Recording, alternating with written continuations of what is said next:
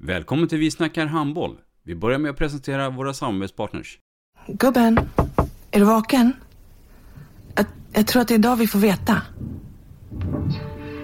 Jag kom in! Mamma, jag kom in! Mamma, jag kom in! Jag kom in! Ah! Vi finns där du är när livet förändras. För alltid välkommen till Länsförsäkringar. Nej men, ska du ha t-shirt på dig? Du, det är ingen vanlig t-shirt. Det är en nya bollar till klubben-t-shirt. Och så matchar den grillkryddorna vi ska använda. Hur då? Men det är ju alla ska med på klassresan grillkryddor. Stötta barn och unga. Shoppa på newbodyfamily.com. Länge leve föreningslivet!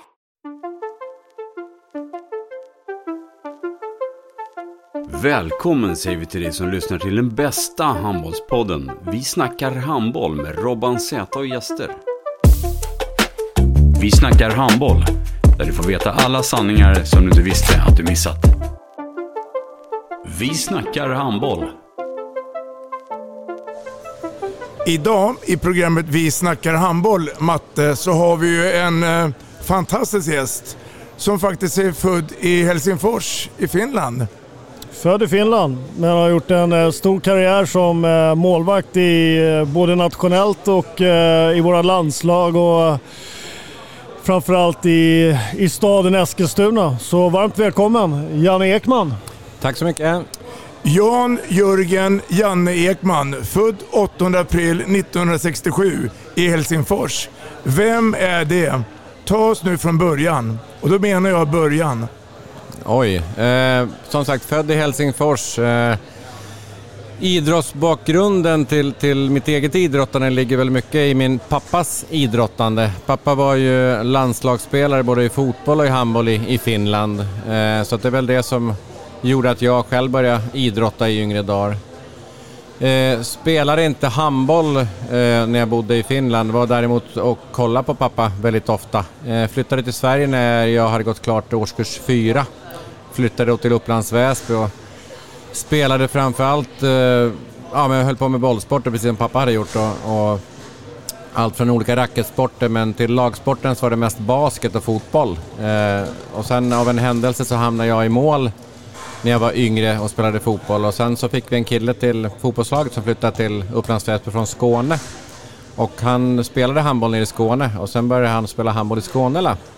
Och då behövde de en målvakt till Skånelas pojkar 67-lag och eh, då fick jag och den andra fotbollsmålvakten i fotbollslaget en fråga om vi ville börja spela handboll och på den vägen var det. Så att det var där jag började spela handboll på riktigt även om jag hade liksom varit med pappa och hängt med bortamatcher och kollat på hemmamatcher så, men jag hade aldrig spelat handboll i Finland. Jag vet att jag var med på en träning med IFK Helsingfors men det var typ det som jag hade i handbollsbakgrund i Finland. Så att det var där då i, i årskurs, vad blir det då, årskurs 6, årskurs 7 någonting som jag började spela handboll som 12-åring.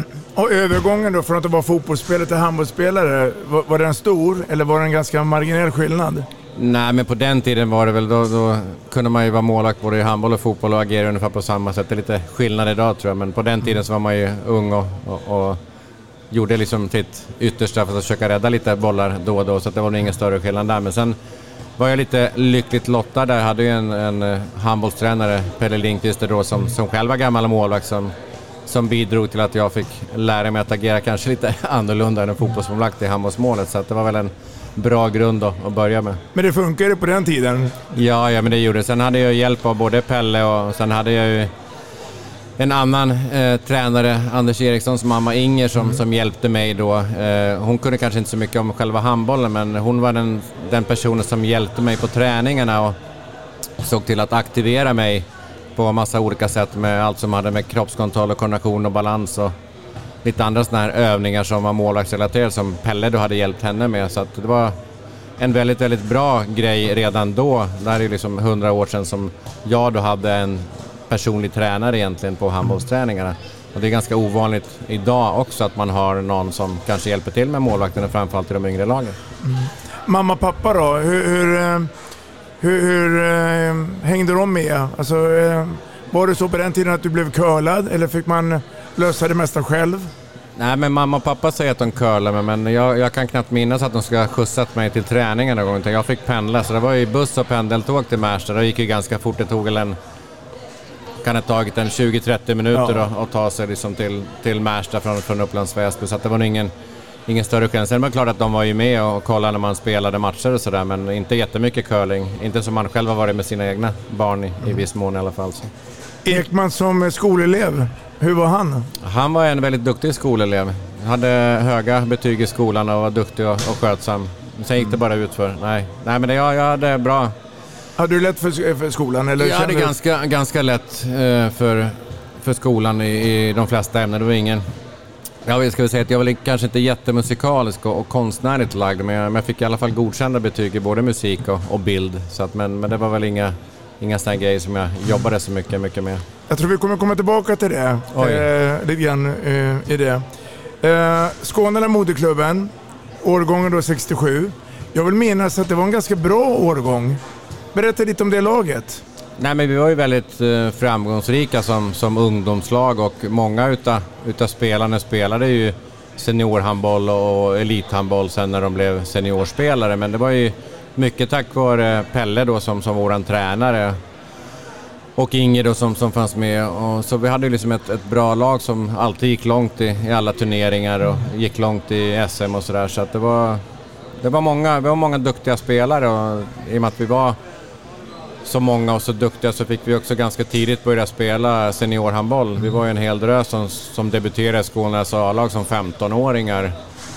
1982 blir det då, så spelade ganska många matcher och, och sen så vart det ju mer och mer. Men första, första året tror jag vi var, var kanske fyra, fem stycken som, som debuterade som 15-åringar i A-laget. Sen året efter så kom det några till då, så vi var väl en vi kunna gissa sju, åtta stycken som, som spelade seniorhandboll från vårt lag och sen var det ju Anders, jag och Jocke. Anders Eriksson, jag och Jocke Krogi som, Precis. som spelade liksom i högsta serien. Men sen hade vi ju, de andra spelade ju näst högsta serien en, en hel del år då när, när Skåne låg i, i den divisionen. Då, så så att, nej, men det, var, det var ett bra lag och väldigt framgångsrika resultatmässigt. Så Men att det, det på den kul. tiden så, så var det ju flera årskullar faktiskt i Skåne, framförallt på pojksidan, som var väldigt starka. Alltså 65orna hade ju också rätt, rätt många bra spelare och fanns det enstaka 66 också och så kom 67orna då som eh, kanske där den riktiga spetsen, eh, många av de riktiga spetsen fanns. Men det, det, det var en bra verksamhet i Skåne överlag på den, på den tiden kändes det som. Mm. Jag tror att det smittade av sig lite grann också just det här med att det var så många. Det var ju liksom lite tävlan inbördes i klubben mellan de här olika årskullarna och många utav spelarna från, ja, men från de som var födda i början på 60-talet till till och med början på 70-talet så var det väldigt många duktiga årskullar och många av dem spelade ju någon eller några säsonger i alla fall i Skånes A-lag. Så att det, var, ja, men det, var, det var en bra, bra verksamhet där under många år. Det var väldigt många duktiga tränare också som var med den, den perioden som ja, bidrog till att det blev så, så många framgångar med, med de här ungdomslagen. Och på den tiden så höll man ju till i Ekela sporthall. Jajamän. Mm. Numera är du i Vikinga, Vikinghallen. Du Jan, eh, du gör ett skifte här sen som eh, ungdomsspelare. Du hamnar i Stockholm. Ja, jag flyttade ju till, till Cliff då. Då är jag inte längre, eller ja, jag är ju ung och, men inte ungdomsspelare. Det blir faktiskt första års senior när jag byter till, till Cliff då. Det var lite valet och kvalet och vi spelade ju i, i division 2 då, så var den tredje högsta eh, divisionen med Skånes A-lag då. Och då var det lite eh, olika klubbar som hörde av sig till mig och undrade om inte jag skulle spela elithandboll istället. Det var ett par, tre klubbar som, som hörde av sig. Och, jag var lite i valet och kvalet vad jag skulle göra i och med att vi hade så många bra spelare och de flesta var ju från mitt egna lag, så att säga pojkar 67-laget där. Så att det var, det var ett lite, lite svårt beslut. Eh, jag våndades lite när Leffe Widfors som var tränare då i, i Cliff och ringde mig och frågade om inte jag skulle signa på för, för Cliff då. Och, så det tog, tog mig någon liten, liten period där att bestämma mig innan jag, jag valde. Och Leffe var ju lite, lite lurig och klurig sådär för att han ringde mig, jag kommer, han ringde mig på en fredag och, och sa, för då hade vi pratat vid, för Leffe hade varit förbundskapten för mig i juniorlandslaget. Så han ringde mig på en fredag då och frågade om inte jag skulle liksom bestämma mig för att skriva på för Cliff och sen så jag var väl i alla fall väldigt positiv till det men jag sa att jag vill ha helgen på mig att, att fundera och så sa Leffe, ja men det, det är lugnt, jag ringer dig på måndag. Och så gick det en kvart så ringde han igen och sa, nej men fan du, du, du, har ju, du tycker det här redan så att istället för att du ska gå och våndas hela helgen så kan du lika bara tacka ja. Och det gjorde jag. Mm. Så att eh, det, det, det var ett ganska, ganska bra och effektivt sätt att få mig att göra det. hade nog våndats ganska mycket den helgen men ja, det blev, det blev bra. Ett bra val tycker jag med, med facit i hand också. Så, att, så jag, var, jag var nöjd över, över den perioden jag hade i, i Cliff. Fyra år. Vad har du minne, för minnesbild av eh, Janne, Matte? Så Alltså de första, eftersom vi, jag är född 60, 65 själv och eh, Skånela 65 tampades jag mycket med. Men det var ju liksom att vi låg ju... Alltså när vi var äldsta juniorer, när vi väl, eh, då var de äldsta A-pojkar. Så att det var ju liksom... Alltså, man hade ganska god koll på Stockholmshandbollen själv då, som aktiv i 65 att, att eh, Skånela 67 och, och, och det här gänget var, var duktiga. Så man såg ganska många matcher med dem. Eh, från läktaren i olika turneringar och olika sammanhang och sådär.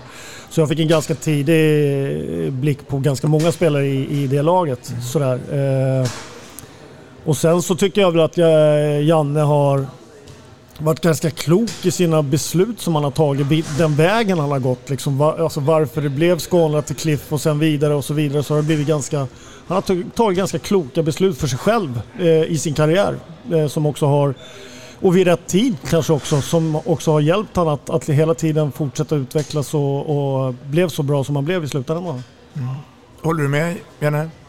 Ja, men någonstans har jag tänkt till lite extra varför jag har valt de, de valen jag har gjort så att säga. Sen, med, sen är det alltid lätt att och efteråt utvärdera vad som, som är med, med facit i hand. Men det, det är klart att jag har ju tänkt till av olika orsaker varför jag har valt de, de klubbarna jag har valt att spela i och varför jag har bytt klubb i, i de delarna. Sen var det ju ganska lätt att byta från, från Cliff till, till Guif i och med att vi åkte ut med Cliff från, från högsta serien. Och sen så Thomas Svensson då som spelade i Guif som jag hade spelat ihop med eh, i juniorlandslag. Och, så, och vi hade ju mött varandra i ma- massor med år så kände han ganska väl sådär. Så då var ju han tvungen att fixa sin egen ersättare för att han skulle kunna få bli proffs i Spanien. Och i och med att vi hade åkt ut och så ringde han mig och frågade om inte jag ville och kunde tänka mig att flytta till Eskilstuna. Det var ju ganska naturligt i och med att jag kände ganska många i det, det laget också.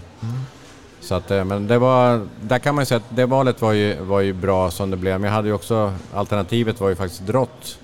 Så det stod mellan Drott och Guif där på, på den tiden, 1990 där och, och, och välja. Och, och det var också så här i valet och kvalet men, men det föll på, på Guif till slut. Och det, det roliga, jag måste berätta en liten anekdot där med när jag pratade ju med Bengt Böna Hansson var ju den som var den ansvarige i, idrott. idrott och skulle liksom ha hand om värvningar och så pratade jag med honom ganska många samtal och sen till slut så landade det då i och med att Jocke Krogis också skrev på för, för Guif och sen så hade jag en flickvän som skulle bo kvar i Märsta så då kände jag att amen, just utifrån de två parametrarna och närheten till familjen så och att jag kände så många i Guif så, så valde jag Guif så jag ringde upp Böna och sa att ah, jag, jag har bestämt mig att jag, jag kommer gå till, till Guif. Eh, så, men sen så liksom, ja, vill jag liksom ändå försöka hålla den, den dörren öppen då. Att, men man vet ju aldrig vad som händer i framtiden så att det kanske blir något annat för min del i, i framtiden gällande drott. Och liksom, då sa han att nej, men har man tackat nej till drott en gång kan man tacka nej till drott för alltid.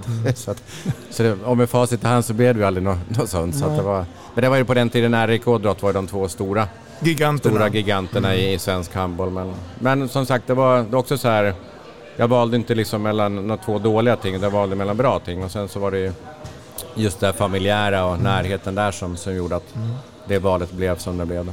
Jag måste säga att jag är lite imponerad av- eh, att du kommer ihåg så mycket. Det är trots allt 30 år sedan. Eh, jag tänkte på en annan grej då. Eh, då heter du IF Guif, nu heter du Eskilstuna Guif. Men du väljer sen att lämna Guif till, inte så långt därifrån, Irsta HF. Ja, som det var- numera heter Västerås Irsta. Precis, det var också ett lätt beslut med att vi lyckades åka ur med Guif också. Så jag åkte ut två år i rad där.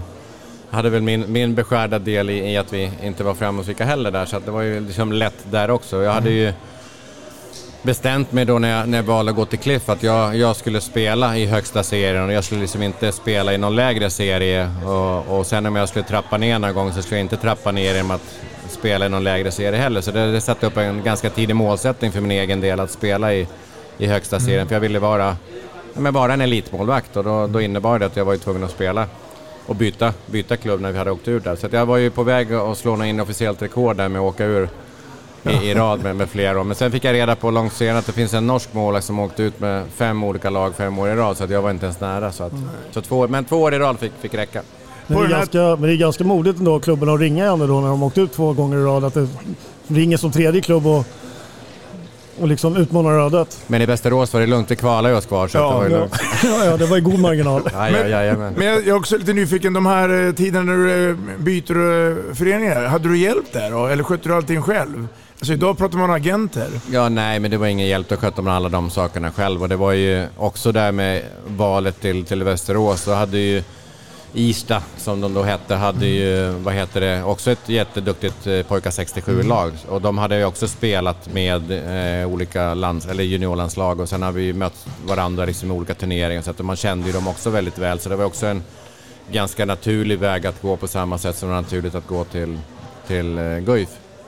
Så att det var, det var samma, samma där. Men det var just att vi, vi åkte ut och sen så var det de samtalen som kom där och just att man höll till i, ja, men i Mälardalen och, och hade liksom nära till, till allt ändå. Både Stockholm och Upplands Väsby och Märsta och där man hade liksom massa, ja, både familj och vänner. Du var inne på det med U-landslaget. Det blev ju, enligt i alla fall det jag har noterat, 16 U-landskamper under tiden 85-87. Eh, Vi kommer sen till A-landslaget där också, men bästa minnet med U-landslaget, vad tar man med sig där från den tiden? Nej men det var väl att få, få uppleva ett, ett UVM. Vi hade ju väldigt många duktiga målvakter på, på den tiden så jag var ju jag var inte med, jag var med i J-landslaget när det var för 67 och och 68 då. Eh, Men sen så var ju de som var äldst i U-landslaget var ju födda 66 och då var ju Thomas låg ju ganska långt fram fast han var född 68 eller är född 68 så han var ju ganska given där. Men sen var det ju både Patrik Liljestrand och Patrik Åsvärd eh, och Bengt Westphal som, som alla hade spelat liksom mycket i, i handbollsligan eller i allsvenskan som det hette på, på den tiden. Så det var ju stor konkurrens. Vi var ju egentligen fem målvakter som, som fightades om tre platser och, och jag lyckades göra en väldigt, väldigt bra höst eh, där då eh, i Cliff eh, och spelade fantastiskt bra i de inledande omgångarna som, som gjorde tror jag, att vågen vägde över mig för att jag var inte uttagen eh, i förhandssnacket eh, för att de fick trycka upp en extra eh, eller en ny målvaktströja till mig och då hade de tagit ut en annan men i och med att jag hade varit så bra där i, inledningsserien inledningen av serien så, så gjorde de en liten, liten rockad där. Så att, men det var just att bli uttagen till, till det och sen få uppleva liksom ett riktigt mästerskap på det sättet. Jag hade spelat ja, men landskamper med juniorlandslaget, jag hade varit med i någon U-landskamp också men just då första gången få uppleva ett, ett VM liksom, det, var, det var stort och, Mm. och häftigt liksom med de bästa spelarna i den, eller de ålderskullarna som var. precis. Vi springer fram i tiden. Det blir Norge en sväng också. Ja, men det, det vart det. Jag hade ju liksom någonstans en, en, en sån här pojkdröm som jag tror de flesta har. Eh, att man drömmer om att få spela professionell handboll. Och på den tiden var det inte så vanligt att, att man blev professionell handbollsspelare om man inte liksom var mer eller mindre given i A-landslaget. Det var ju bara, bara de som var givna i A-landslaget som, som hade liksom de samtalen som de fick från, från klubbar eller, eller agenter redan på den tiden. Men, så det var ju lite, lite ovanligt att, att kunna komma iväg och när jag fick då chansen att, att flytta till Norge så valde jag att, att göra det. Det var både liksom att kunna vara professionell handbollsspelare men eh, samtidigt som byta lite miljö och komma bort från Mälardalen. I alla fall en liten period där och, och inte liksom ångra att man inte tog chansen. Så det hade jag som, som ett alternativ. Jag hade även ett, ett franskt lag i, i någon lägre, eller näst högsta serien som, som var ett alternativ. Men då kändes det som att det var lättare att flytta till Norge och få spela i högsta ligan där. Och sen så vart det bara, bara ett år och då hade vi Guif Fick du hemlängtan då? Nej, men det var, det var lite ekonomiska bekymmer i klubben där och så var det lite osäkert med, med ekonomi och sådana saker. Sen var ju Claes Hellgren var ju tränare i, i Guif den perioden och så ringde han mig och frågade om inte jag skulle komma tillbaka till året efter och, så, och då var, ja, då var vi gravida med, med yngsta sonen Marcus då eh, och han skulle födas då till, till augusti där då året, året efter då så då var det liksom lite naturligt där också att flytta hem på vårt andra barn då. Så då kändes det också naturligt. Men där var det en liten så här, ja, det- är väl det beslutet jag ångrar lite grann så här med facit i hand att jag tackade till, ja till Guif så tidigt. Jag fick en, en proffs, eh, proffsanbud från, från Tyskland. Mm. Och det var lite, lite synd. Det, hade, det, var liksom, det var dit man ville komma för det var där antingen Spanien eller Tyskland. Det var där de ja, men spelade proffshandboll på riktigt. Så att då fick jag en förfrågan två veckor efter jag hade tackat ja till Guif om att flytta till, till Tyskland. Så att det var lite så här, ja. Men allt, allting har ju sin, sin, eller allting går ju sin, sin väg i olika riktningar och man, man hamnar ju där man hamnar för att man har gjort olika val. Och jag grämer mig inte över det för att jag har, har fått uppleva så mycket ändå men det hade varit kul att få spela eh, några säsonger i Tyskland för just när jag var ja, plus 30 där så, så var jag kanske i min bästa, bästa form rent handbollsmässigt också där mellan, mellan 30 och 40 egentligen. Så. En, en inspel bara, i den här tiden, eh, börjar du gå och fundera lite grann på, ska jag bli tränare eventuellt? Eller är det senare i tiden? Nej, men jag hade ju faktiskt redan 1989 hade jag mitt första tränaruppdrag där jag var med på, på de här, eh, då hette det inte riksläger, då hette det ju regionläger och elitläger, men då var jag med på, på de här region elitlägren som målvaktstränare redan alltså 80, 89 när jag var väldigt ung. Leffe tog med mig där också, till, för han var ju själv instruktör. Så att, och sen i början på, på 90-talet när jag flyttade till Eskilstuna och, och sedermera även spelade i Västerås men bodde i Eskilstuna där så, så ringde Klasse Karlsson då som var chef på handbollsgymnasiet i Eskilstuna och frågade om inte jag ville eh, vara med och hjälpa till och hoppa på den delen. Så det var ju där det började egentligen på riktigt. Så det är egentligen från början på 90-talet som, mm som jag blev ledare fast jag fortfarande höll på, på att spela. Du hade ett litet sidospår där. ja, ja, men det hade. Sen så har jag liksom alltid tyckt att det varit roligt att, att både utvecklas själv men att kunna hjälpa till och utveckla andra. Och jag brukar säga det ibland att hade man vetat det man vet idag själv så hade man ju varit ett par, par snäpp bättre och då tycker jag det är kul att liksom kunna förmedla ja, kunskap till, till yngre, yngre spelare och, dela med sig av det man själv har lärt sig för att liksom kunna öka eller snabba på den processen. För det tar ju ändå lång tid att lära sig mm. saker. Allting är ju inte bara erfarenhet och rutin utan ibland kan man kanske få lite hjälp och tips och tricks på vägen som gör att det blir lite kortare och snabbare väg. Mm. Numera Eskilstuna Guif. Du, du, eh, du har ju varit där ytterligare en sväng. Har ju haft fantastiska framgångar. Gamla klassiska sporthallen. Numera den nya arenan där, Stiga. Men klubben har aldrig vunnit ett SM-guld. Varför då tror du? Nej, men det är väl små marginaler. Men jag har ju varit med i alla de här fyra SM-finalomgångarna, både som, som ledare och spelare. Då. Men tittar man på, på de första eh, finalerna som vi spelade 97 och, och 01 då spelade vi mot RIK eh, båda de gångerna och då hade ju RIK mer eller mindre liksom eh, halva landslaget i sin, sin trupp. Och vi hade inte det, men vi gjorde en fantastisk prestation slå ut Drott. Mm. Där, så att det var ju liksom, eller framförallt 90, 97 där när Drott var, var nästan lika bra. Så att, men äh, de var för bra, RIK, båda de, de åren och sen så eh, ser man till där vi kanske skulle eller kunde eller borde ha vunnit, det är ju finalen 2009 mot, mot Alingsås i, i Globen där det, ja, men det är lite stolpe ut i, i den matchen. Sen den senaste finalen 2011 mot Sävehof så var ju Foppa fantastiskt bra i målet och stängde till och avgjorde hela, hela den fighten. Liksom med, hade en 65% i räddningsprocent i första halvlek. Så att, men det är egentligen Alingsås-finalen där som vi, vi har legat närmast till att, till att vinna, även om vi 2001 pressade RIK till en avgörande match när vi lyckades vinna på hemmaplanets förlängning. Så att, men det, ja, det, det handlar om små marginaler och det gäller ju att vara liksom som bäst när man spelar den här finalmatchen eller de här finalmatcherna. Och det har inte vi varit eh, sett till, i och med att vi har förlorat alla, alla fyra gångerna vi varit i final. Vill du fylla på Matte? Nej, det är väl bara sanningen. Ja. Det blev också en sväng, eh, det blev också en sväng med eh, Hammarby.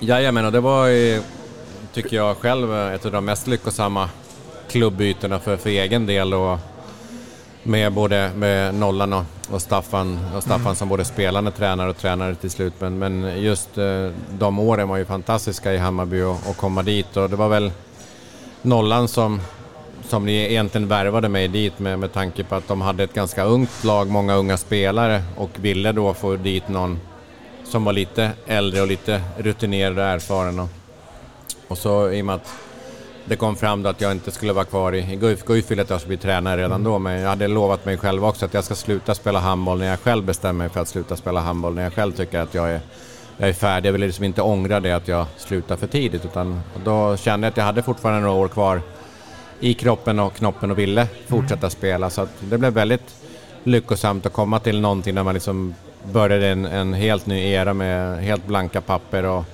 fick lite ja, men ordning och struktur på, på saker och ting med, med bland annat då Nollan och, och Staffan och det vart ju fantastiskt bra med otroligt många talangfulla spelare där som, som har gjort stora karriärer och, och liksom haft ledande roller i, i landslag och klubblag och, och har så även fortfarande. Så det var ju en, en fantastisk tid de tre säsongerna som jag spelade där med otroligt lärorikt och, och roligt även om jag pendlade och satt och åkte ganska många bil, mil med min bil från Eskilstuna. Men, men det, det är ett av de liksom roligaste liksom klubbarna man spelat i.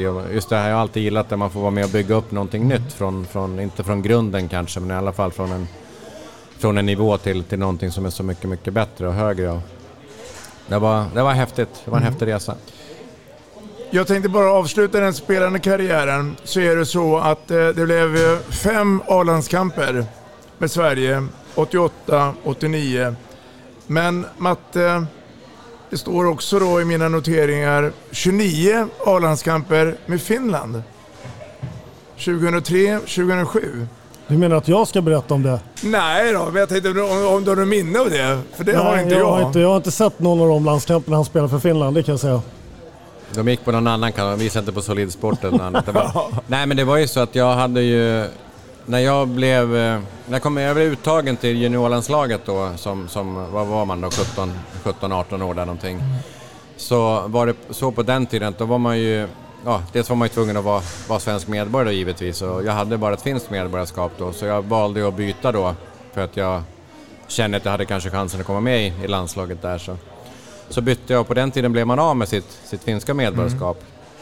Eh, och eh, då fick jag ju, ja, jag var ju, det var ju tacksamt att få spela med både juniorlandslag, U-landslag och A-landslag då för Sverige. Men sen så var ju konkurrensen rätt, rätt tuff där på, på 90-talet och början på 2000-talet när jag liksom, ja, när jag hade min handbollskarriär så att säga. Det var ju många duktiga målvakter i, i landslaget och även om jag var eh, väldigt, väldigt bra där i, i mitten på, på 90-talet så var ju konkurrensen ändå liksom för hög för Tuff. att jag skulle, mm. skulle komma med. Tyckte kanske själv någon gång att man borde kanske ha fått spela någon, någon till landskampen. Men eh, med all rätta så, så var ju de otroligt framgångsrika under hela 90-talseran. Så att det är liksom inga hard feelings så, men det som jag hade lite hard feelings mot var att jag blev av med mitt finska medborgarskap och då hade jag istället kunnat få spela med finska landslaget i, i 15-20 år. Eh, nu vart det några år i alla fall för att i början på 2000-talet då så när det här med EU kom på, på, på spel då så var det så att alla som hade blivit av med sitt finska medborgarskap, precis som jag hade blivit, hade rätt att få tillbaka det. Så man kunde ha dubbla medborgarskap, vilket jag har i, idag då. Och eh, då ringde Thomas Westerlund då, som var förbundskapten i, i Finland och frågade. Och de hade frågat mig tidigare på 90-talet också, men då hade jag varit tvungen att flytta till Finland. Och det var inte aktuellt att flytta tillbaka till Finland då för att spela handboll och för att komma med i landslaget. Men då fick jag frågan då och debuterade då late bloomer i finska landslaget som 36-åring liksom, eller 35-åring. Så, men det var, också, det var också en häftig resa och det var, det var liksom lite, lite speciellt. Och även om jag bott i, i Sverige merparten av mitt liv så är jag, liksom, jag ju ja, så att säga finsk innerst inne i och med att det är där det landet jag är född i. Så det var en, det var en stor ära att få spela med Finland de här åren jag spelade. Så det var, det var liksom häftigt det har, också. Har du gett Ola Lindgren några tips i och med att han är förbundskapten för Finland? Ja, vi har faktiskt kollat om, om, eh, för de var intresserade av att få, få över min äldsta son Daniel då till, framförallt här för ett par år sedan till, till finska ja. landslaget. Men, Spännande. Men, men, eh, det var samma sak där och problemet är också lite så här, en lång historia kort, men i och med att jag var svensk medborgare den perioden som Daniel föddes så då får inte Daniel finskt medborgarskap per automatik. Hade jag varit finsk medborgare då, då hade Daniel fått det. Då hade han kunnat spela med finska landslaget. Så Daniel ställdes egentligen för samma ultimatum att vill du vara med i finska landslaget så får du flytta till Finland. Och det var inte aktuellt i hans, hans fall heller. Så att... Janne, vi byter spår här. Du har nämnt en person under den här första delen eh, som jag tror betyder mycket för dig. Du ska få en hälsning här nu så lyssna nu bara och eh, ta till dig det här. Hej Janne och Robban. Thomas Forsberg här. Eh, kul att ni har ett avsnitt med en riktig målvaktsnörd. Janne, du är för mig en person med stor portalhumor humor eh, och ett lugn som sprider sig. Jag har haft förmånen att jobba med dig, både som spelare och ledare. Eh, och första gången vi jobbade ihop var när vi spelade tillsammans i Hammarby för nästan 20 år sedan. Sen dess har vi skrivit massa utbildningar för handbollsförbundet tillsammans. Och jag tror vår första utbildning blev klar strax 2012 någonstans där. Ehm, och nu står vi ju här tio år senare eh, med att skriva vår nya eh, målvaktsutbildning 2.0. Eh, och det har varit en fantastisk resa och det har varit roligt att göra den tillsammans. Så jag vill också tacka för alla inspirerade år du har bidragit med, både för svensk handboll och såklart alla givande samtal du och jag har haft. Magisk resa. Eh, ni får ha det så bra. Tack så mycket. Hej då. Mm. Blir du rörd? Ja, det blir jag. Jag brukar inte vara så här känslig, men just när man, man har... Framförallt inom idrotten så kommer man, varandra, så man kommer lite närmare varandra än vad man kommer liksom i vanliga yrkeslivet och då, då blir det liksom... Man känner varandra ja, lite mer och lite mer på djupet och när man får sådana här hälsningar eller träffar folk som man har jobbat med tillsammans eh, sen tidigare så, så det är alltid det är lite känsloladdat. Så, här, så att, vi har haft en fantastisk tid, jag och Foppa, med, med de här åren vi har skrivit utbildningsmaterialet just för målvaktsspelet och haft massor med utbildningar och, och liksom spunnit vidare på det här som, som Claes Helgen egentligen eh, spann vidare på, på, på, sin tid och tog över den stafettpinnen. Det var det jäkligt häftigt och, och jäkligt lärorikt. Och, och menar, om Foppa kallar mig för handbollsnörd så är han minst lika mycket handbollsmålvaktsnörd han också. Så det har varit, varit väldigt, väldigt häftigt med alla samtal vi har haft innan vi liksom landade i den första utbildningen som var klar för tio år sedan. Och sen därefter har vi jobbat med den utbildningen och sen parallellt då tittat på en annan nyare version av det här och det har varit otroligt häftigt. Och, och, liksom och, och, se vad vi kommer fram till och har kommit fram till. Och, och, alla de som har gått på våra utbildningar har ju varit jättenöjda med de utbildningar vi har hållit. Och det roliga med det här med att vi då har diskuterat och kommit fram till hur man ska stå i mål och hur man ska agera och varför man ska agera och vi har kunnat liksom få ner det på pränt också är ju att det är egentligen samma saker som Mats Olsson eller Claes Helgen idag tycker och tänker och många andra målvaktstränare runt om i världen tycker i stort sett samma sak och det är ganska roligt att man kommer till samma ja, men slutsatser fast man inte har liksom pratat om mm. utan man ser att det finns någon form av logisk förklaring till att man ska göra si istället för att göra så för att det, det på sikt blir, blir flera räddningar. Så att, ja, men det, var det, det var det häftigt att, att jobba med, med Foppa och jag tackade ju nej till att fortsätta jobba eh, med de här frågorna nu här under våren. Jag har ju blivit farfar här för, för en, en knapp månad sedan och känner att jag har liksom jag har gjort mitt det här måndag till söndag 48 veckor om året och jag är ganska nöjd med de få handbollsuppdrag jag har idag så jag får fortfarande lite match, matcher och Men, men står du ändå till förfogande som bollplank? Eller känner ja, du att... det, det gör jag, så att jag står till förfogande som bollplank absolut och det gör jag, hjälper ju en, en del både lag och klubbar och, och personer, enskilda individer med olika, olika delar som är kopplat till, till målvaktsspel mm. eller ledarskap eller mental träning. Så att jag coachar några yngre golfkillar med lite sådana mm. saker också. Så att jag är, jag är behjälplig för de som tycker och tänker och tror att jag har något att förmedla till dem. Så, att, så där finns jag behjälplig.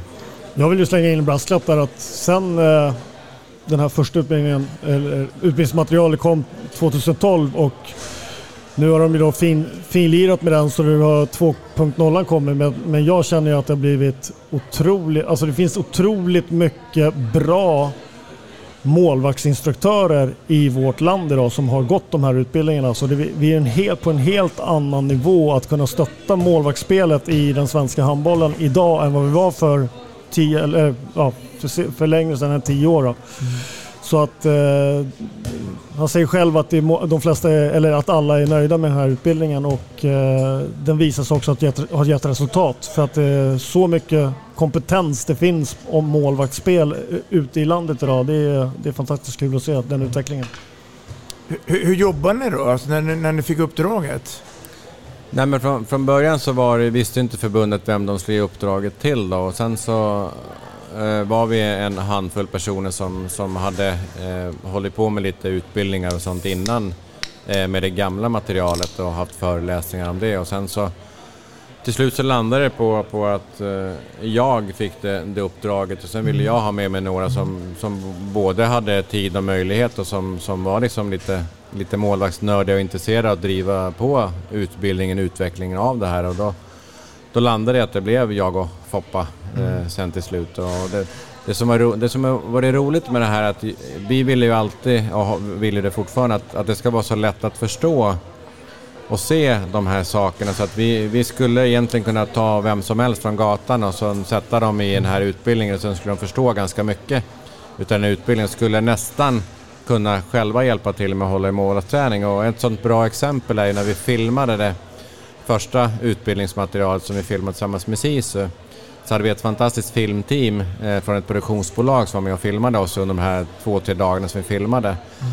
Och vi var ju väldigt nördiga att allting skulle bli så bra som möjligt på filmklippen så att man verkligen såg det som vi, vi utbildade i. Och sen var det, jag kommer ihåg ett, ett filmklipp då, så tyckte vi att det blev jättebra, jag och Foppa. Men då säger den här kameramannen att nej, det vart inte så bra. Eh, vad tänkte du på då, sa vi. Jo, han som stod i mål där nyss, han hade fel fotvinkel när han utförde sin parad.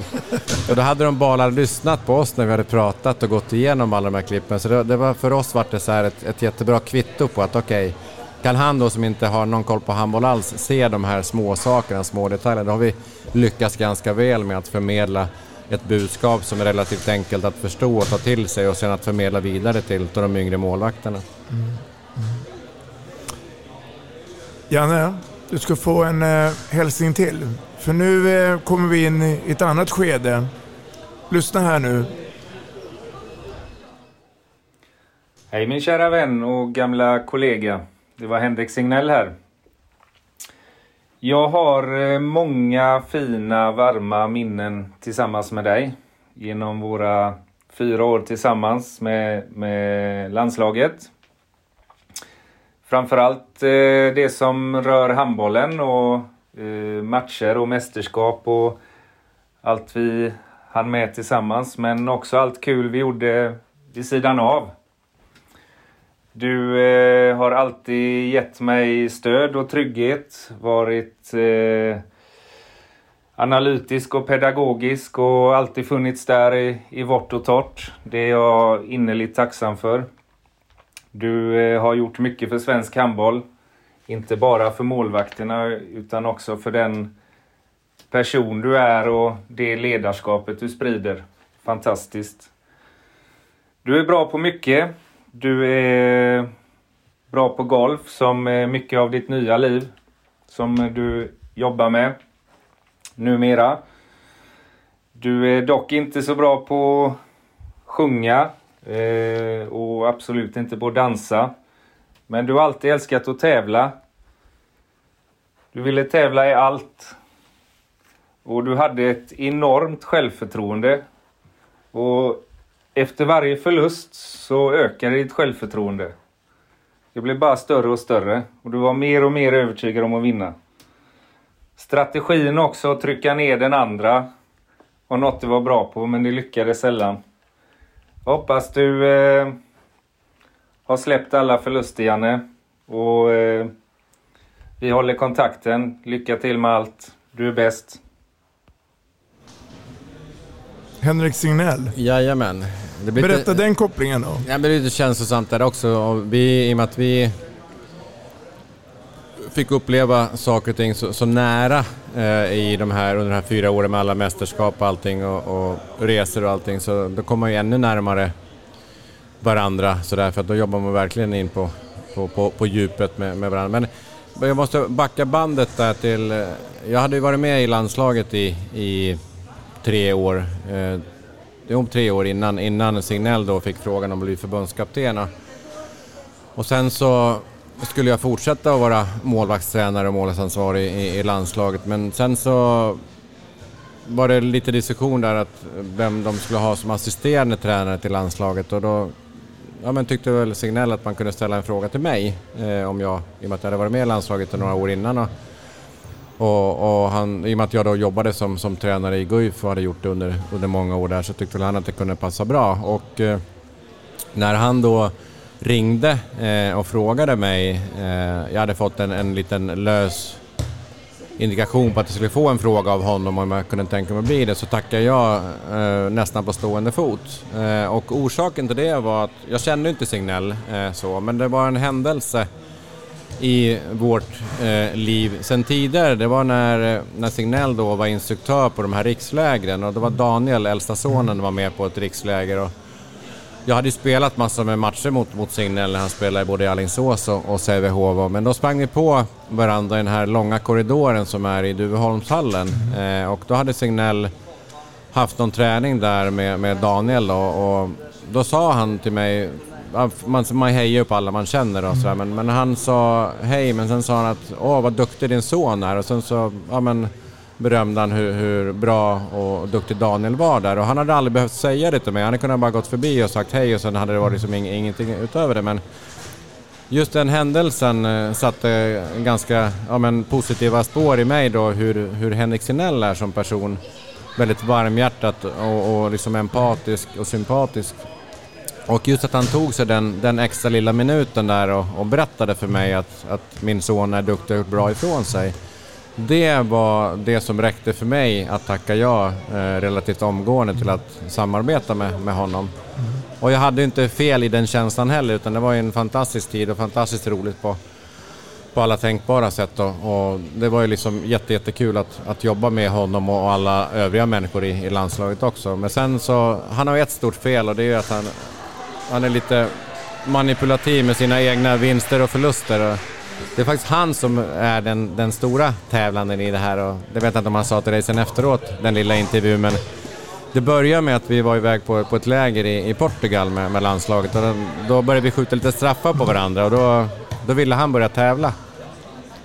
Och så skulle jag skjuta fem straffar. Först så lyckades jag sätta fyra utav fem på honom och sen så hade han satt fyra raka på mig. Då märkte jag att det var tävling på riktigt. Och då räddade jag den sista straffen och sen var det sudden death och då vann jag. Och jag gick fram och skulle tacka honom och håna honom lite grann så fick jag ett slag på axeln.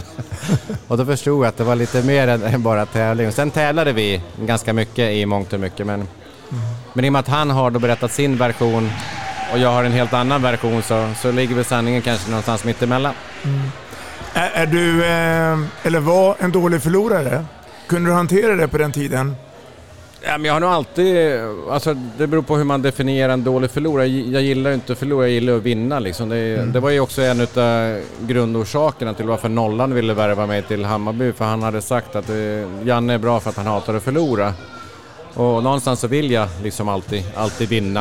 Eh, sen har ju det liksom med, med, åren blivit lite, lite lugnare, att man kan acceptera saker och ting på ett bättre sätt och ha förståelse för att det inte kanske går att vinna i allting men, men har alltid varit en, en viktig drivkraft i, i det jag håller på med. Framförallt är det att bli bättre och blir man bättre så vinner man ju oftare än, än, än om det är tvärtom. Mm. Mm. Framförallt är det ju en drivkraft också till att alltid prestera, att alltid göra sitt bästa mm. i allting man, man, Om det inte är viktigt att vinna då, då kan man ju gå in och ta grejer med en klackspark allt för ofta. Så jag tror att det är en, viktig, en egenskap som ja, väldigt, väldigt många har på elitnivå, att man, man verkligen vill vinna. Liksom. Du har ju jobbat gärna med ohyggligt många målvakter. Du behöver inte rangordna dem, men, men, och det fanns ju olika personligheter. Jag tänker först på de sidan då, men är det någon bild du vill lyfta fram där? Eh, några händelser eller om det är så att du känner att Wow, vilken utveckling det blev. Nej, men jag tycker väl att alla, alla de målvakter som vi jobbat med, med länge, framförallt eh, Filippa Idén och Johanna Bunsen och, och Martina Törn var ju också med ganska, ganska länge där. Just då, det som har varit roligt det har ju varit att följa liksom den här utvecklingen som de har haft under de här åren och hur, hur bra de, de, har blivit och blev eh, utifrån den resan eh, vi gjorde. Eh, så det är ju alltid det som jag tycker är roligt att se att man då kan, som jag sa här för en stund sedan, att kunna hjälpa till att utveckla och, och bidra med, med kunskap och sprida kunskap och få de här målvakterna då att ja, både ta till sig och, och liksom, lite grann styra över sin egen utveckling också och ta ansvar för, för sin utveckling och sen få hjälp till att, till att bli det. Så att det har ju varit en häftig resa för, för svensk damhandboll överhuvudtaget tycker jag de sista, säg 15 åren med med mer och mer. Jag pratade om att när jag var yngre och skulle bli proffs i Tyskland så var det bara landslagsspelare och lite grann så var det så med, med damhandbollen också att i början på 2000-talet så var det inte jättemånga tjejer som spelade proffshandboll och sen har det blivit mer och mer och idag är det ganska vanligt. Mm. Vilket är ett jättelyft och jättepositivt för svensk damhandboll. Mm. Bara att liksom få ut de här profilerna ut och, och kunna leva på sin handboll, på sin, sitt intresse och, och göra det. Och det har ju också tagit och hjälpt till att det blivit stora framgångar för, för svensk damhandboll. Att när man liksom är en världsnation idag, vilket man inte var för 20 år sedan på samma sätt. Man, man lyckades eh, relativt bra i en del turneringar men nu är man liksom mer där uppe och, och slåss hela tiden Mm. liksom, och väntar bara på att man ska få till den här fullträffen. Och det är ju nära, vi, har varit, vi var ju nära några gånger med, med ja, den tiden jag och Signell var med i landslaget också, förlorade mot Frankrike där borta i, i Frankrike i en, en semifinal. Liksom. Det var också lite stolpe ut. Så att jag tror att eh, allt det här hänger ihop och sen är det också det stället vi är på idag här i, i Nyköping med, med Sverigecupen. Det är ju liksom en, en grundbult i, i, i svensk handboll, utveckling av handboll. Det är ju här man liksom sår de här första fröna, eller även innan på de här ja, lägren, spelarlägren som är innan, innan man blir uttagen till det här. Så att det är ju det som har gjort och genomsyrat liksom utvecklingen och utbildningen i, i svensk handboll genom alla år. Och det är det man får ja, men skörda frukten av tror jag, när man har framgångsrika dam och herrlandslag. Mm. Mm. Fantastisk resa. Uh, men du har valt att lämna lite den uh, officiella rollen när det gäller svensk handboll. Men du har fortfarande lite kvar. Jag tänker på Estland. Ja, jag är med där och hjälper till med, med Estlands herrlandslag och jag fick ju ett samtal när jag skulle sluta eh, som tränare i Guif då för, för fyra år sedan. Eh, och då hade jag samarbetat med, med Thomas Iversson, han var ju assisterande förbundskapten i damlandslaget när jag kom med där och började hjälpa till. Och sen så ringde han och frågade mig om jag inte var intresserad av att hjälpa till och hjälpa honom i, i Estland då i någon kombinerad roll som, som assisterande eh, slash målvaktstränare i landslaget. Och det har varit jätte, jättekul att, att jobba med honom också, precis som det har varit med de övriga ledarna som man har jobbat med genom åren. Så att, och där kommer man också väldigt nära, så att man blir ju liksom man blir ju lite, lite mer än bara en, en, en arbetskollega, liksom, att man, man kommer varandra lite, lite närmare. Så det har också varit fantastiskt roligt. Och sen är det ju på en helt annan nivå. Men vi i Estland, vi, vi är ju med och kvalar till, till VM och EM, men vi har ju liksom aldrig lyckas ta oss dit. Men det är ju en annan, annan resa där, vilket är fantastiskt roligt att få vara med och bidra och ta med sig det här som vi har fått med oss från den svenska utbildningsmodellen och svenska handbollsskolan och sen försöka ta med sig de saker och, som man har lärt sig och försöka implementera i alla fall delar utav det till den estniska handbollen och, och hjälpa till och bidra där och det, det känns liksom också roligt fast på ett annat sätt. Det är klart det är jätteroligt att spela ett mästerskap men det här är roligt på ett annat sätt där man mer kan bidra med sin, sina kunskaper, sina färdigheter och sitt ledarskap till att utveckla och hjälpa till en nation då som inte har haft de här framgångarna, som inte spelar mästerskap. Så att det, det är också en häftig, häftig resa. Ja, men du, du fick det på slutet, utveckla. Det, jag gillar ju det. det se, se du och Thomas eh, ljuset i tunneln här på Estland? Att, att förr eller senare så kommer vi... För det kommer väl också spelare underifrån? Det kommer spelare underifrån. Sen är det så att alltså, för att man ska lyckas eh, liksom fullt ut någonstans, då måste man ju ha en framgång. Och en, fram, en sån framgång skulle kunna vara att vi lyckas kvala oss till ett EM eller till ett VM. Då blir det lite mer intresse kring det här. Då, då sprids det liksom massmedialt på ett annat sätt och då kanske de här ja, yngre killarna, yngre tjejerna vill bli de här stjärnorna som de ser som är med i landslaget där. Och jag tror att man måste få en sån framgång för att man ska kunna liksom få ännu mera framgång. För det är det som gör att fler ungdomar börjar spela. Ungdomarna är ändå det som är liksom grunden till att man får ett bra landslag till slut, att man har en bredare bas. Och ska man få den breda basen så, så krävs det nog specifika framgångar i, i att man kvalar till ett, till ett mästerskap. Mm. Du, eh, vad gör Janne Ekman idag?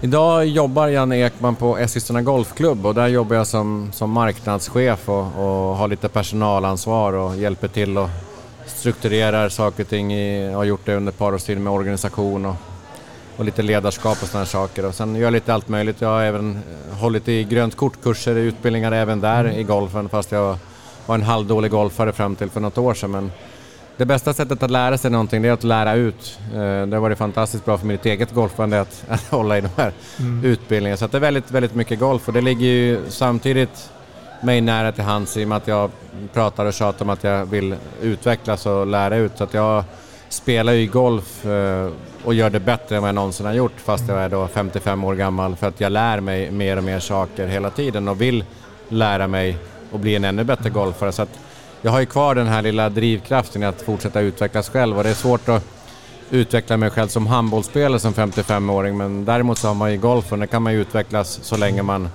ja, kan gå och stå så kan man bli en bättre golfare och det tycker jag liksom, det är en, det är en sån drivkraft jag har haft i alla år med mitt handbollsspelande. Nu har jag liksom samma möjlighet att göra det även inom, inom golfen vilket jag tycker är väldigt roligt. Men är, är det en, en dold talang du har haft med det här med golfen? För att eh, nu har vi ju pratat i nästan 50 minuter och först nu pratar vi om det här. Är det någonting du har hållit hemligt för allmänheten? Nej, men det har väl varit så... Eh, jag vet inte hur intresserad allmänheten av Jan Ekmans golfkarriär eller Mycket. tafatta golfkarriär. Men, men jag tycker att det är fantastiskt roligt för att det finns så många liknelser. Jag har ju bland annat i vår målvaktstränarutbildning så har jag några paralleller med golfen. Liksom just då. En, en sån parallell är ju att en, en bra golfspelare vet ju varför bollen går vänster eller höger när den borde gå rakt fram.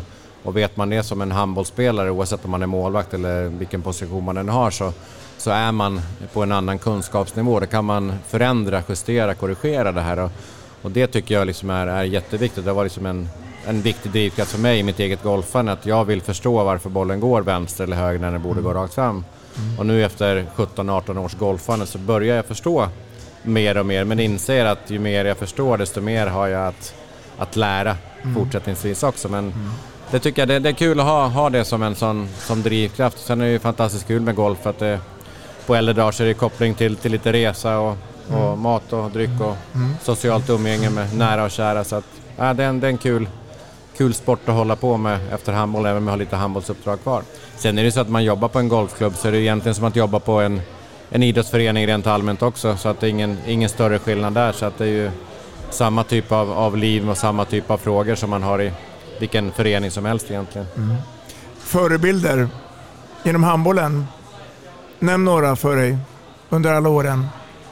Ja, men må, många, det, jag har aldrig varit någon sån här, kan man säga, någon form av starstruck eller har sådana förebilder. Men, men eh, en som betydde väldigt mycket för min egen handbollskarriär, som ändå var en sån här stor idol när jag var yngre, det var ju Claes Hellgren. Så att han är också mycket att, att tacka för. Jag har ju redan nämnt Pelle och Inger som jag hade i, i, i ungdomslagen. Så att de, de tre personer, eller de tre eh, personer som haft mest påverkan på min, min handbollskarriär. Sen är ju jag är ju tacksam till alla, alla tränare, alla spelare, alla ledare som jag har spelat tillsammans med och jag har ju förhoppningsvis, vilket jag tror också, fått med mig massor med, med positiva delar av alla eh, de jag har spelat med. Jag räknade ut för något år sedan att jag har spelat med ungefär en 600-650 olika spelare genom alla, alla åren och har ju säkert haft ett 30, 40, 50-tal olika ledare och tränare genom åren. Det är klart att jag har ju formats i, i mitt ledarskap, eh, i min personlighet utifrån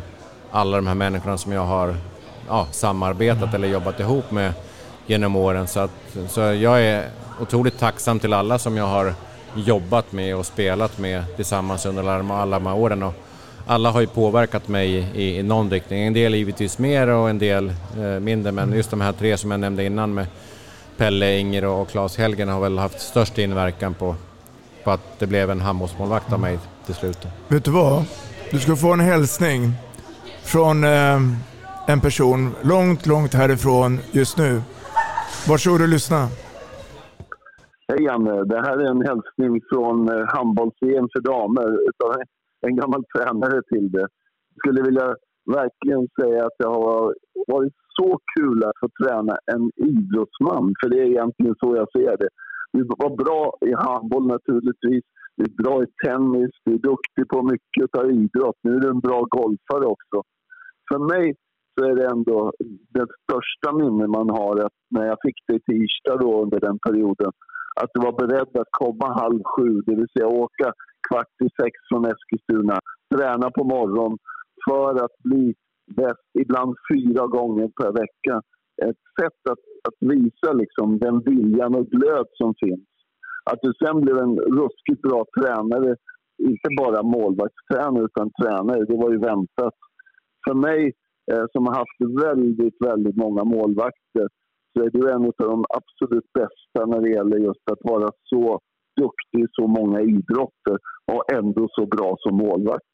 Så jag hoppas verkligen att du har det bra och att du förstår att du är uppskattad jag ser ju verkligen dina söner och jag tycker de är precis så där sköna som du var. Ja, gärna. Ja, blir man ju rörd här för tredje gången så att... Mm. Ja, men det, det, det var väldigt speciellt för jag var ju väldigt ja, men duktig när jag var yngre. Jag var ju med, alltså spelade med ett duktigt, bra pojklag. Vi var med framgångsrika, vann Partille Cup bland annat som, som B-ungdomar och sen var vi med i alla de här tävlingarna som var. Jag var med i, i, liksom i, på elitlägret då och eh, med J-landslag och U-landslag och allting och debuterade i A-landslaget som, som 21-åring och hade liksom en, en ganska spikrak karriär där. Men sen så när vi åkte ut med Cliff och åkte ut med Guif så var det så lite valet och kvalet om jag, om jag var så bra. Man började tvivla lite grann på sig själv då om man var så duktig som man åkte ut. Och spelar man i ett lag som inte var jättebra så var man kanske inte själv heller så bra och kunde prestera på ett bra sätt utan det fanns ju ja, orsaker till det. Men när jag kom då till, eller hade spelat ett år i i Västerås så var ju tanken att jag skulle återvända till Guif eh, efter det första året. Eh, och då skulle då var Västerås på väg att värva Peter Gensel till, till Västerås, för det var Claes Hellgren blev tränare det året då. Men så vart det ingenting med, med Gensel och så ringde klassen mig och, och frågade om jag, om jag var, ja men om jag ville vara kvar och om jag var intresserad och om jag ville vi käkade lunchen en, en dag nere i, i centrala delen av Västerås. Han frågade mig om jag var villig att, att liksom göra en rejäl satsning. Mm. För att han ville inte jobba med någon som inte ville det. Mm. Och eh, jag ville ju det. Eh, och det var som han beskrev att då åkte man några gånger väldigt tidigt på morgnarna till träningarna i Västerås. Steg upp jättetidigt, sen körde vi massa idiotträningar. och körde skiten ur oss klockan halv sju på, på, på vardagsmorgnar och vi var liksom glada amatörer på den tiden och jobbade heltid. Men det var där han fick mig då att, att eh, från att ha haft lite down där ett par, par säsonger till att ja, blomma ut eh, igen då om man uttrycker det så. Och sen efter det, efter den säsongen så, så gjorde jag ju knappt någon dålig säsong de sista eh, 14-15 åren som jag spelade. Men det var ju mycket tack vare honom där han tog allting till en helt annan nivå. Men om, om jag och Foppa, om vi nu är målvaktsnördar så var ju Klasse inte bara målvaktsnörd, han var ju nörderi på alla, alla delar som jag själv tycker är intressanta idag med kost och träning och allting. Det var ju som en helt ny värld som öppnade sig för att på den tiden så, så då tog handbollssäsongen slut i april och sen så började den i augusti igen och så spelade man lite fotboll på sommarna och sen solade man och badade man. Så det var lite så här, lite hobby, hobbyidrott men med Klas intåg i, i, i, min karriär där då, så det var ju liksom att börja förstå att det krävdes mer än, än att liksom sola och bada på somrarna och börja träna och sköta sin kost på ett ordentligt sätt. Och alla de här olika parametrarna, så det var ju en helt ny, upplevelse för mig. Och samtidigt så när man börjar göra alla de här sakerna som Klas liksom, oh, hjälpte mig och, de övriga spelarna också med så, så fick man ju också framgångar Eh, med allt det här och då när man får framgång med att man lägger ner mycket tid på någonting så vill man ju ha mer av det.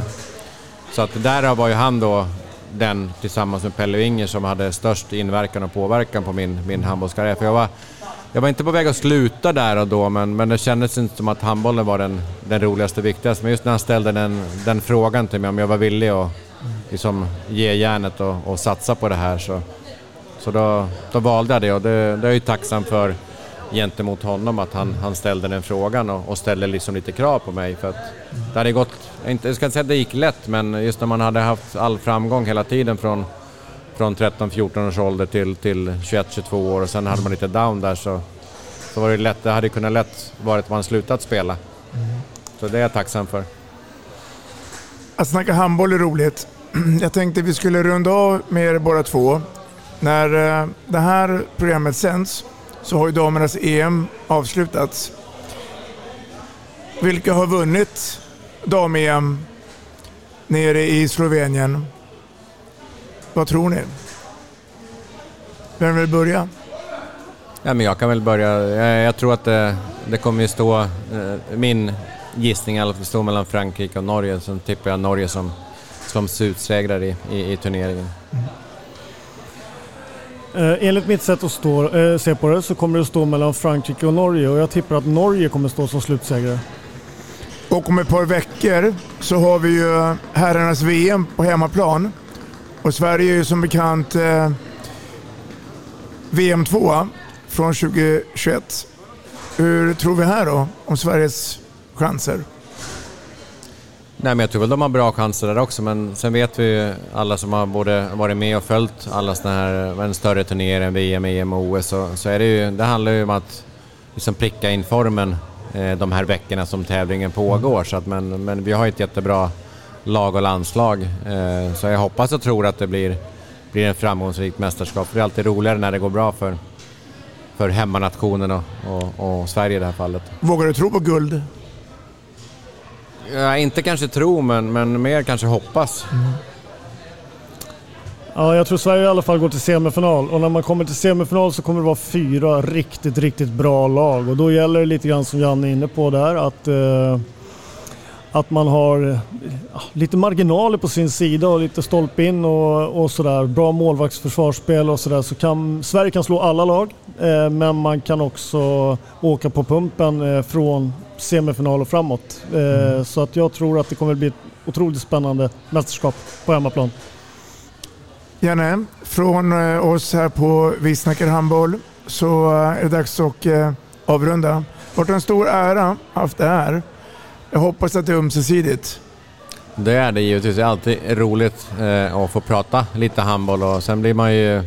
Sen, jag blir ju väldigt rörd av både att eh, få bli inbjuden hit men, men framförallt av de här tre samtalen då för de här tre personerna som, som har betytt mycket för mig. Eh, inte bara de tre utan som jag sa innan många, många andra människor också. Men de här tre har ju liksom på något vis stått nära och närmast under väldigt många, många år.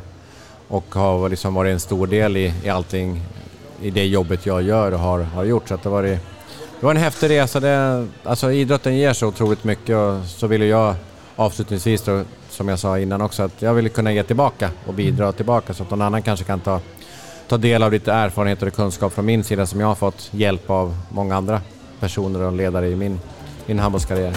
Lycka till nu framöver. Tack så mycket. Tack så mycket. Tack. Tack.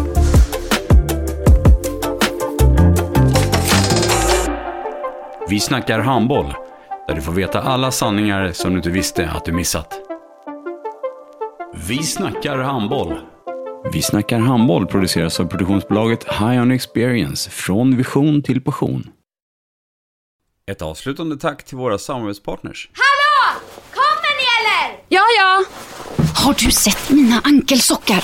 De här? Nej, nej, jag menar skridskoslip till juniorlaget Ankelsockarna. Ja, men kolla bredvid träningsläger med handbollstjejerna-t-shirtarna. Stötta barn och unga. Shoppa på newbodyfamily.com. Länge leve föreningslivet! Gubben, är du vaken? Jag, jag tror att det är idag vi får veta. Jag kom in! Mamma, jag kom in! Mamma, jag kom in! Jag kom in! Ah! Vi finns där du är när livet förändras. För alltid välkommen till Länsförsäkringar.